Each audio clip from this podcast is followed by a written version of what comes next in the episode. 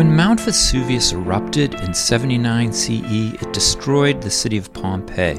But that's not where the story ends. A 1631 eruption killed thousands of people. For those living near it, the volcano had again become an object of fear, but also a scientific wonder.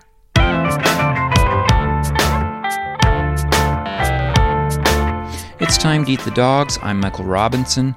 Today, Sean Cocco talks about the role of Vesuvius in Renaissance science and culture. Cocco is an associate professor of history at Trinity College. He is the author of Watching Vesuvius A History of Science and Culture in Early Modern Italy. Sean Cocco, thank you for coming in to talk to me. Thank you, Michael. It's great to be here. So, I think most of us know something about Vesuvius. Of course, we know about the the big violent eruption of 79 CE when uh, Pompeii and uh, Herculaneum, Herculaneum, yes. Herculaneum was uh, destroyed. But there are these other really deadly explosions, which you write about so vividly in your book. Um, in particular, the the um, the eruption of 1631. I was wondering if you could take us back to that event and just talk a bit about it. Yeah, the eruption of 1631, which is um, technically termed a subplinian eruption. So, in terms of its force, it's uh, significantly, very deadly still, but significantly less powerful than the Plinian eruption, it's the kind of category and scale of 79 AD.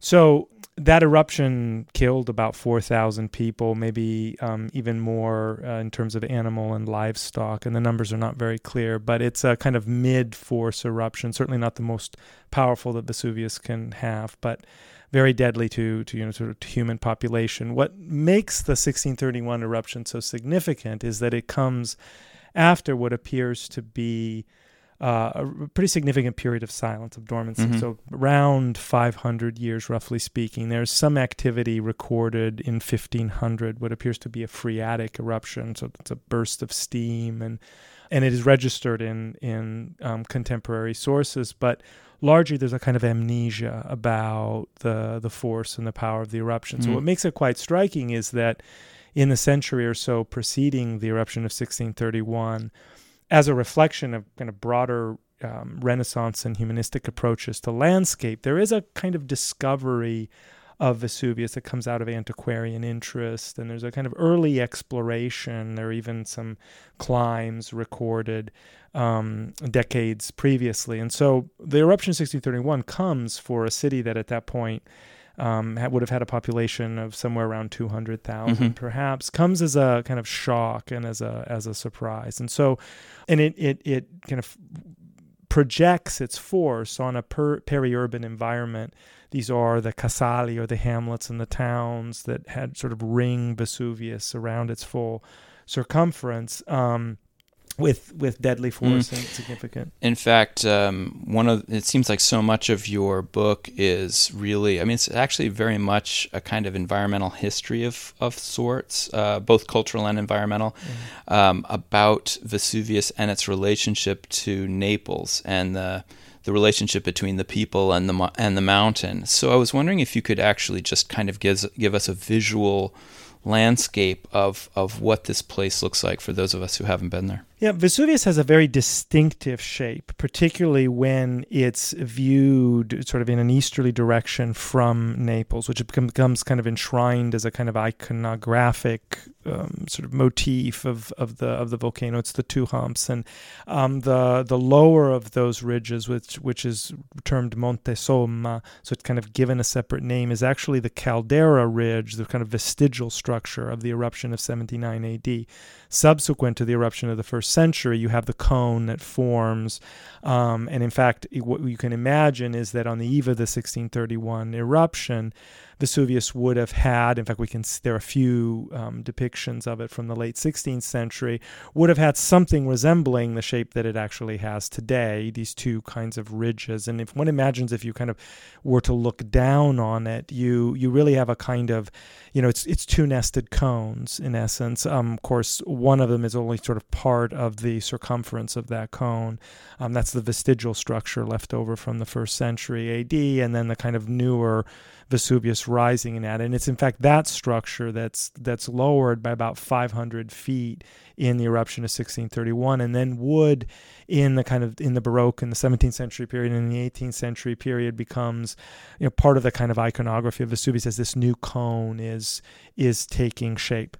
If you move from there, it's you know a, a few miles. I, I think um, somewhere in the order of uh, you know about it's less than 10 kilometers from the sort of edges of, of Vesuvius, the structure, the caldera, or the, the, the volcano structure itself, and uh, the urban environment. In the 17th century, what had been happening, of course, is a kind of city had been growing, and there's a sort of spillover into then what are the towns that are all along the littoral. Mm. And in fact, at the base, they're following what is the kind of horseshoe shape in some respects of the of the Bay of Naples. You have these kind of very famous sites um, that would have been in the 17th century known about, mm. but their location, uh, of course, Pompeii and Herculaneum, Torre di Stabia, and other places would have been known from um, textual sources, mm. um, but but their precise location not clearly identified. So you make this case that in 1631, massive um, uh, eruption of Vesuvius, thousands of people die and that in the kind of wonder and shock of that event, you have this burst of literature that comes out about it. And that in that moment, your book is claiming that modern volcanology really is born, both in the culture of Naples as well as in the eruption itself. Could you talk a bit about that and why you think this is such a, a critical period? Yeah. I mean, there are a number of ways in which you can think about this. I think the way I came at it initially, and so sort of my route to those conclusions, had to do with the fact that I had long sensed, particularly in kind of representations, English and French representations of the uh, of you know parts of Italy, particularly Naples, that there is by the 18th century a kind of well-established depiction of Naples as a kind of exotic and backward and sort of retrograde place that had tended to, in many cases, appropriate what you could think of as local or kind of indigenous knowledge. And so mm-hmm. it seemed to me that um, when I thought about that kind of worn historiographical trope and then, then need to rethink it. And then the force of the cataclysm itself, which moment you begin looking at it, produces um, what seems to be a really an extraordinary burst of um, news. Mm-hmm. Um, and in fact, I have a colleague who's uh, Alfonso Tortora at the University of Salerno who's tracked this with much greater precision and who has found um, across Europe, uh, um, uh, in his estimate, thousands of printed accounts uh, that um, basically report the news of the eruption. So it is an event mm-hmm. of significance. And one can plot those things together uh, from the perspective of the later 17th century, because by the end of the 1600s, there emerges among kind of Neapolitan writers themselves a, a kind of myth of the calamitous 17th century, which huh. is mm-hmm. in many respects true. The 17th century is a very you know difficult moment. It's also a very rich and vibrant moment for Naples. Naples is um, you know relatively a larger city with respect to other cities in Europe than it would ever be again, and the biggest city in it's likely Italy. the biggest. It's the biggest city in in Italy, but it's likely the biggest city in Europe wow. at, mm-hmm. at, you know in the early 17th century. It would be outstripped by Paris. And, and, and if I can if I get this right, it was also considered simultaneously not necessarily a cosmopolitan place,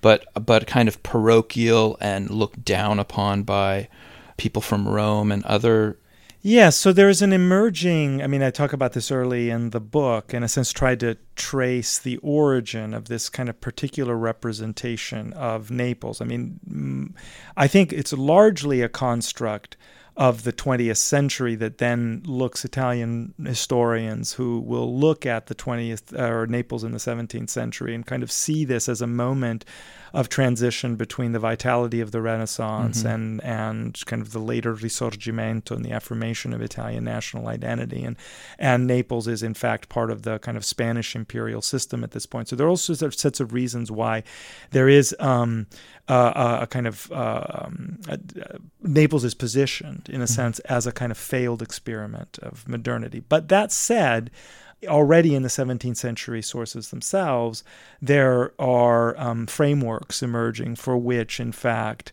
um, Naples is a kind of other world with respect to Rome or or other kind of Italian cities. Although in that context, it's really um, better understood in the kind of language of Italian and Renaissance humanist campanilismo that each place kind of is asserts its own kind of particular mm-hmm. identity, but there's also a kind of play of, of pejoratives and ways in which you know others see others and but the fact of the matter is that by the end of the 17th century, there are three events, and this is the way in which I began to think about the eruption of 1631 as a historical event of significance, mm-hmm. and it's from there that the questions about its significance for the origins of modern volcanology emerged. Is uh, Naples um, in 1631 there is the eruption. In um, 1647 there's one of the most significant rebellions in the entire early modern period, which is really mm-hmm. part of a of a kind of spasm of rebellion across the Spanish world, and we now know across um, really part of the kind of general crisis of the 17th century.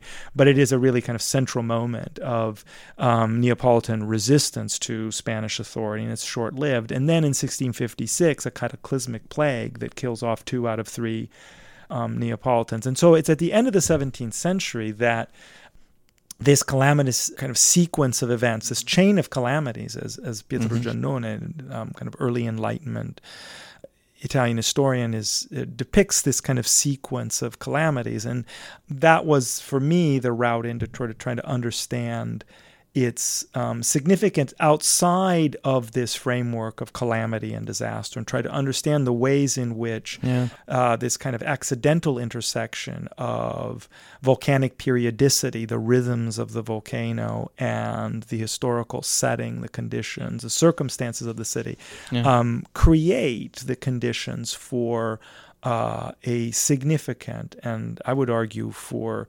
geology um, important moment of observation of volcanic phenomena. It almost seems like you're using the volcano as a kind of benchmark for looking at these changes in natural history and science over this period of time. Is that a fair read? Yes, I, I, mean, I think I would maybe say it's a prism through which to, um, you know, again to push the metaphor and kind of in refraction see the the ways in which places and their force, in the case of a volcano, stir the conditions for for the making of knowledge. When I think about Renaissance uh, natural history and natural philosophy, you know, the people who come to mind to me, Galileo, for example, people of a of a particular social class, or even the Jesuits who are highly educated, is it true also that the people coming to Naples after 1631 are of this educated class, or is it a broader spectrum of people? Because you talk a little bit about this is accessible from Rome. You have the Grand Tour beginning. So, could you give us a little bit of a social landscape of the people interested in the volcano? Yeah, in these phenomena. I mean, the the bulk of the sources, and I think this is one of the reasons why in the history of science um, and certainly in 17th century science, they're kind of marginal texts mm. because mm. the bulk of them fit really the kind of um, a, a, framework of a different sort of literature. They are in the vernacular, um, so that is to say, in Italian. They are closer to the literature of the Avvisi, kind of news reports and pamphlets and broadsheets that circulate kind of information mm-hmm. about events, whether these are battles or, you know, and again, uh, I think the distinctions that we would have between natural event and historical event don't kind of observe the ways in which um, uh, events are kind of understood in this 17th century framework. So that said, you know, they are produced by what is a literate um, elite of Neapolitan society. Um, some of the principal accounts actually come from very important aristocrats. Um, they are also produced by clergy. So there's a kind of rather broad spectrum of people able to produce literate accounts, uh, literary accounts of, of these events. But upon close examination, what they do is, and I think this is where they've been ignored in the history of science mm-hmm. because they haven't actually been read, is that that what they observe is a pattern of natural history narration, and particularly kind of establish a relationship between historia, the kind of reconstruction and the description of the event itself, which is in a sense analogous to language of how you might describe also the um, etiology of a disease mm-hmm. and the condition of a patient, and getting at then what are causal questions, natural philosophical questions, causa, what makes volcanoes yeah. erupt. And it is in this kind of burst of rough and um, sort of news like literature that you see a protean, um, you see the, the space in which questions about volcanism begin to circulate and begin to accumulate a long record of observation. Yeah. It seems to me that another difference between, let's say, a lot of the subjects that we think of for Renaissance science, like the motion of the planets or uh, the use of prisms or uh, the use of the microscope, for example, are things that we could classify as well, these are these kind of esoteric things that people do. But you're talking about a volcano that erupts and kills people, and it's a volcano that's the largest landscape in Naples. I would imagine that everybody's interested yes. in the mountain. And I'm sure it's it's probably hard to get at that the reception of those ideas or the readership, but I was just thinking like, my god, this has got to be something that people are interested in. Yes, I mean one of the the things that the accounts do and in here it's actually quite clear that this burst of descriptive text then will subsequently inform in the decades to follow pictorial and visual representation of how Naples and its elites and its populace respond to volcanism. So there's a really, I think, crucial to understand that it is these initial reports, which are rather quickly printed, that become the kind of foundation for these things. That they mm-hmm. record a wide range of responses and they highlight in particular a distinction between a kind of you know terror gripped population and a much more um, rational and um, deliberate um, and maybe we would use today longitudinal mm-hmm understanding of the phenomenon. Mm-hmm. And it creates kind of conditions for this kind of longer term observation that begins to um, provide rich and detailed and continuous description of the volcanic phenomenon, which works. Again, it's early modern empiricism, um, but it's it works in in the kind of broader social milieu to create a language for thinking about Vesuvius. One of the people you profile extensively in the book is Pietro Castelli. Castelli. Why is he such an important? Well, he's interesting because he is um, he's he's not a Neapolitan, and he's in fact the text was important because it's evidence of a broader circle of what you could call naturalists who are um, immediately engaged with the topic.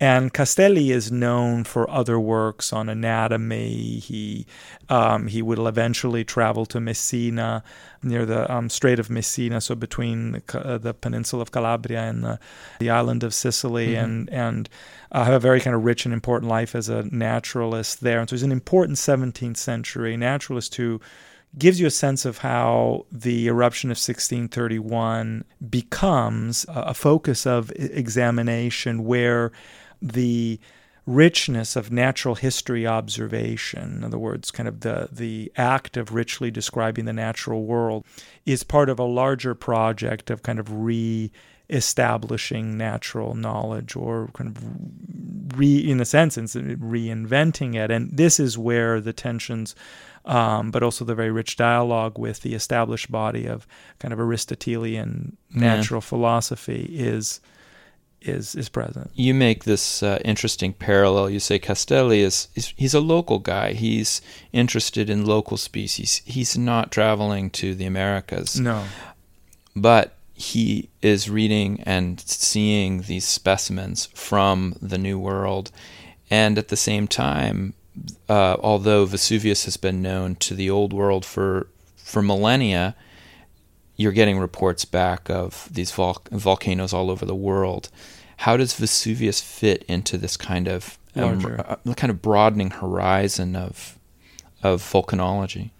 Well, I mean, there are a couple of things to be said about that. I mean, there is increasing evidence, and it was not really I, didn't see it as clearly when I was when I was working on on this book of of um, of people actually moving between these kinds of sites, and there are some Oviedo and others, and I think there is a there is a uh, a fuller story to be told there. But in terms of the kind of local naturalist for whom the kind of horizons are really, um, you know, the, the world around them and then their hunger for naturalia that, that they can either through descriptions of others or the arrival of specimens in some cases and so on, they can they can um, they can they can examine that you you can kind of think I think in very broad strokes of a series of phases where um, the eruption itself is turns out to be in the case of, of Vesuvius quite quite significant. It you you go from a kind of understanding of volcanoes as distinct toponyms as kind of places rather than features of a global system. Mm-hmm. Um, and it is, in fact, that broadening horizon, so the kind of accumulation of other other sites that um, I think only establishes the kind of initial framework for thinking about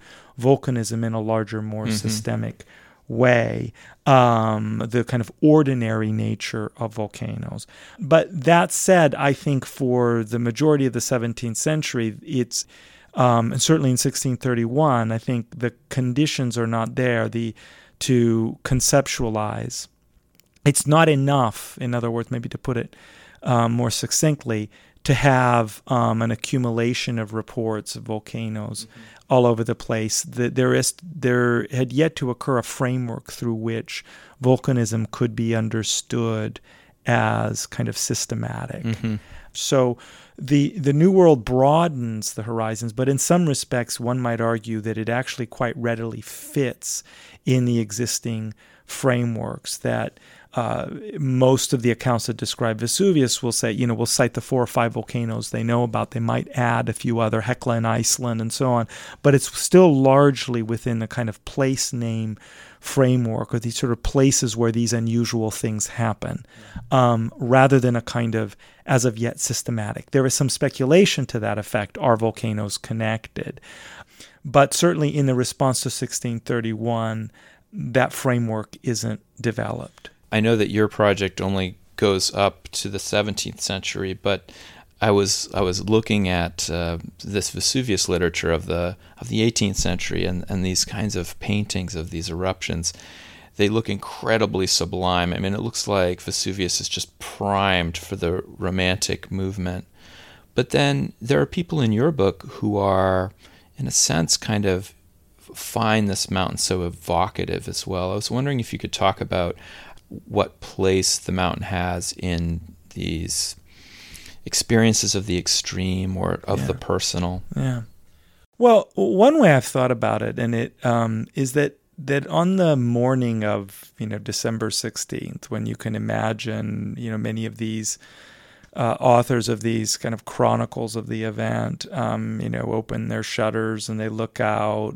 They they observe a structure, a kind of moving structure that is really breaks through the boundaries of everyday experience. I mean, it's the largest vertical structure, if you can just even think about it in that way, that anyone would have in their lifetime have seen um, a vertical structure that was moving and acquiring shape that evoked immediately in writers the recollection of Pliny's descriptions, Pliny the Younger's descriptions of the eruption of 79 AD, which were kind of, you know, um, deliberately kind of spliced on to this account uh, the tree like and pine, umbrella pine like shape of this particular structure that appears to fold in on itself, it displays stunning contrasts of light and darkness. Um, there are lightning inside the eruptive column that is seen first in the pre dawn darkness, so it's the way in which the light plays off the you know as dawn rises there there are many of these features that clearly struck observers and I think contrary to what emerges as I think one of the kind of accompanying portraits of the sublime vision of Vesuvius that is often in the case when when Naples is portrayed along that. It's the the, the fear bound and imprecatory gestures of the Neapolitan population in the face of this kind of display. And so these things are kind of set mm-hmm. alongside, uh, you know, mm-hmm. a kind of scientific and uh, eventually romantic and sort of sensibility set alongside um, the kind of delirium and the spasms of Neapolitans. Is is there a lot of overt talk of divine action, divine agency in these events? Yeah, I mean the the the initial accounts are quite deliberate, and again, I think it's simply that they they needed to be read. Um, distinguish quite clearly between sort of degrees of agency here. And the primary description or the primary kind of structure that emerges in the narratives of the 17, 1631 eruption uh, is that the event itself is natural and can entirely be understood in natural terms and, and need not be seen as a supernatural event mm. that is, is meant to be a kind of calming and also begin to kind of uh, stimulate the possibility of understanding how the past might reveal future patterns mm-hmm. and so on. But the it is the event that then distinguishes the eruption in 1631 on December 17th, the, the kind of worst phase of the eruption, kind of day two of the eruptions, um, there's a second procession uh, bearing the relics of San Gennaro, the patron saint of the city, um, brought out. And it is a dramatic moment when, at the kind of height of this civic ritual and religious ritual, the the eruptive column appears to recede, uh, and the saint has intervened. And um, there's a there's a clear distinction between that kind of intervention, the saint's intercession on the behalf of of the city and the the natural causes of the eruption that are part of the structure yeah. of, of, the way in which this is done. And it's kind of established the subsequent conditions for kind of building a log of, of observation. What, what begins to happen is a kind of citing of previous accounts, but Acini described it as such. And so you begin to mm build a kind of Vesuviana literature that then in the 19th century, when you can begin to talk more closely about the emergence of modern volcanology, these are still the texts that are referred to for um, kind of description of the behavior mm. of the volcano. You know, one of the things that comes out so clearly in your work, and uh, I, I, really appreciate it, is the way that Naples, a place that's uh, it's an iconic city. It's we all know about Naples, but you actually kind of redefine it as a borderland of sorts, mm. both a, a, cultural borderland from other parts of the Italian peninsula, but also a borderland in terms of uh, how humans interact with this mm. incredibly powerful force.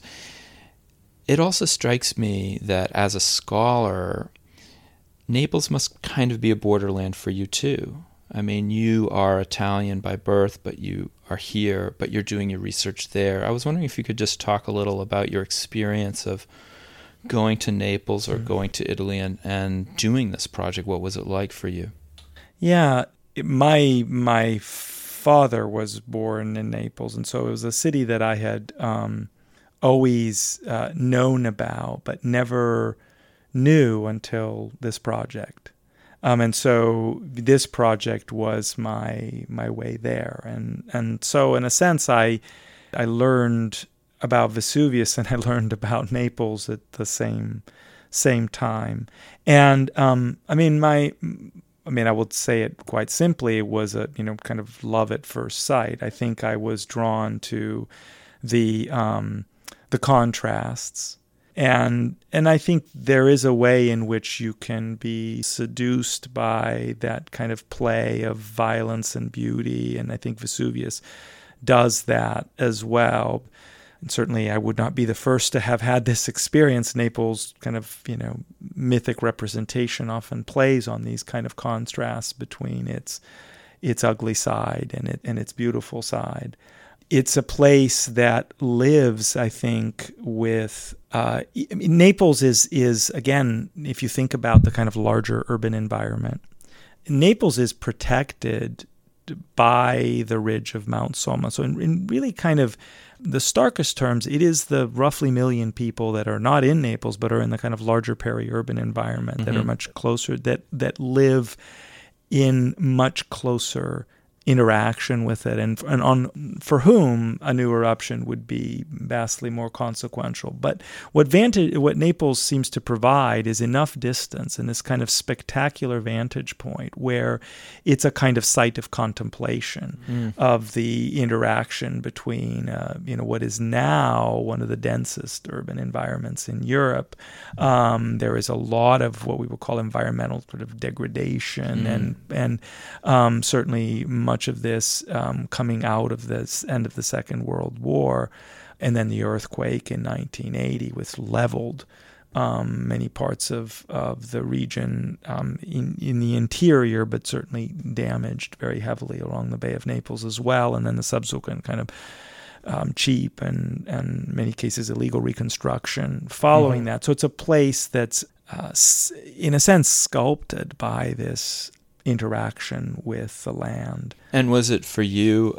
Was it a difficult experience being in Italy to research this? Did it feel, in fact, quite natural to you? Was it, um... it, it was. Um, no, I mean, I think I would say very clearly that it was, in some ways, a sort of second childhood. I mean, I got to relive a set or live a set of experiences that I had heard through a certain kind of prism of hmm. family memory. And then, I mean, it helped that I already spoke the dialect and I understood it. And I mean, I think a lot of ignorance is bliss. And so I think I often didn't know what I didn't know. Uh, but I, I found it to be actually one of the easiest places I've ever lived. Um, not easy because not on a kind of everyday basis about what you need to dodge or um, you know the the difficulties of the, of everyday life, but kind of easy on the soul, if I can say it that mm-hmm. way. Um, I relished the contrasts. I felt even the the ways in which you observe uh, fortune and misfortune, and you see it play out in in a place that compresses rich and poor beauty and and and grunge and and grunginess um, and pulls them all together. Um, mm. I think it's also easy, on the other hand, to fall into the kind of long trap of becoming kind of nostalgic about those kinds of qualities, and and I do think that it's important in a place like that. And that's why I think understanding it historically always worked for me to try to kind of temper mm what may become kind of nostalgic and essentialized ways of thinking about a place and, and rather thinking about how it came to be and what the forces were. Well, Sean Cocco, thank you so much for coming in to talk to me. Thank you. That's it for today. The music for Time to Eat the Dogs was composed by Zabrat. If you'd like to recommend a guest or offer an opinion, please email me at time that's one word, lowercase, at gmail.com. And please rate the show and leave a review wherever you get your podcasts. It's really one of the best ways of reaching new listeners who might be interested in the show. See you next week.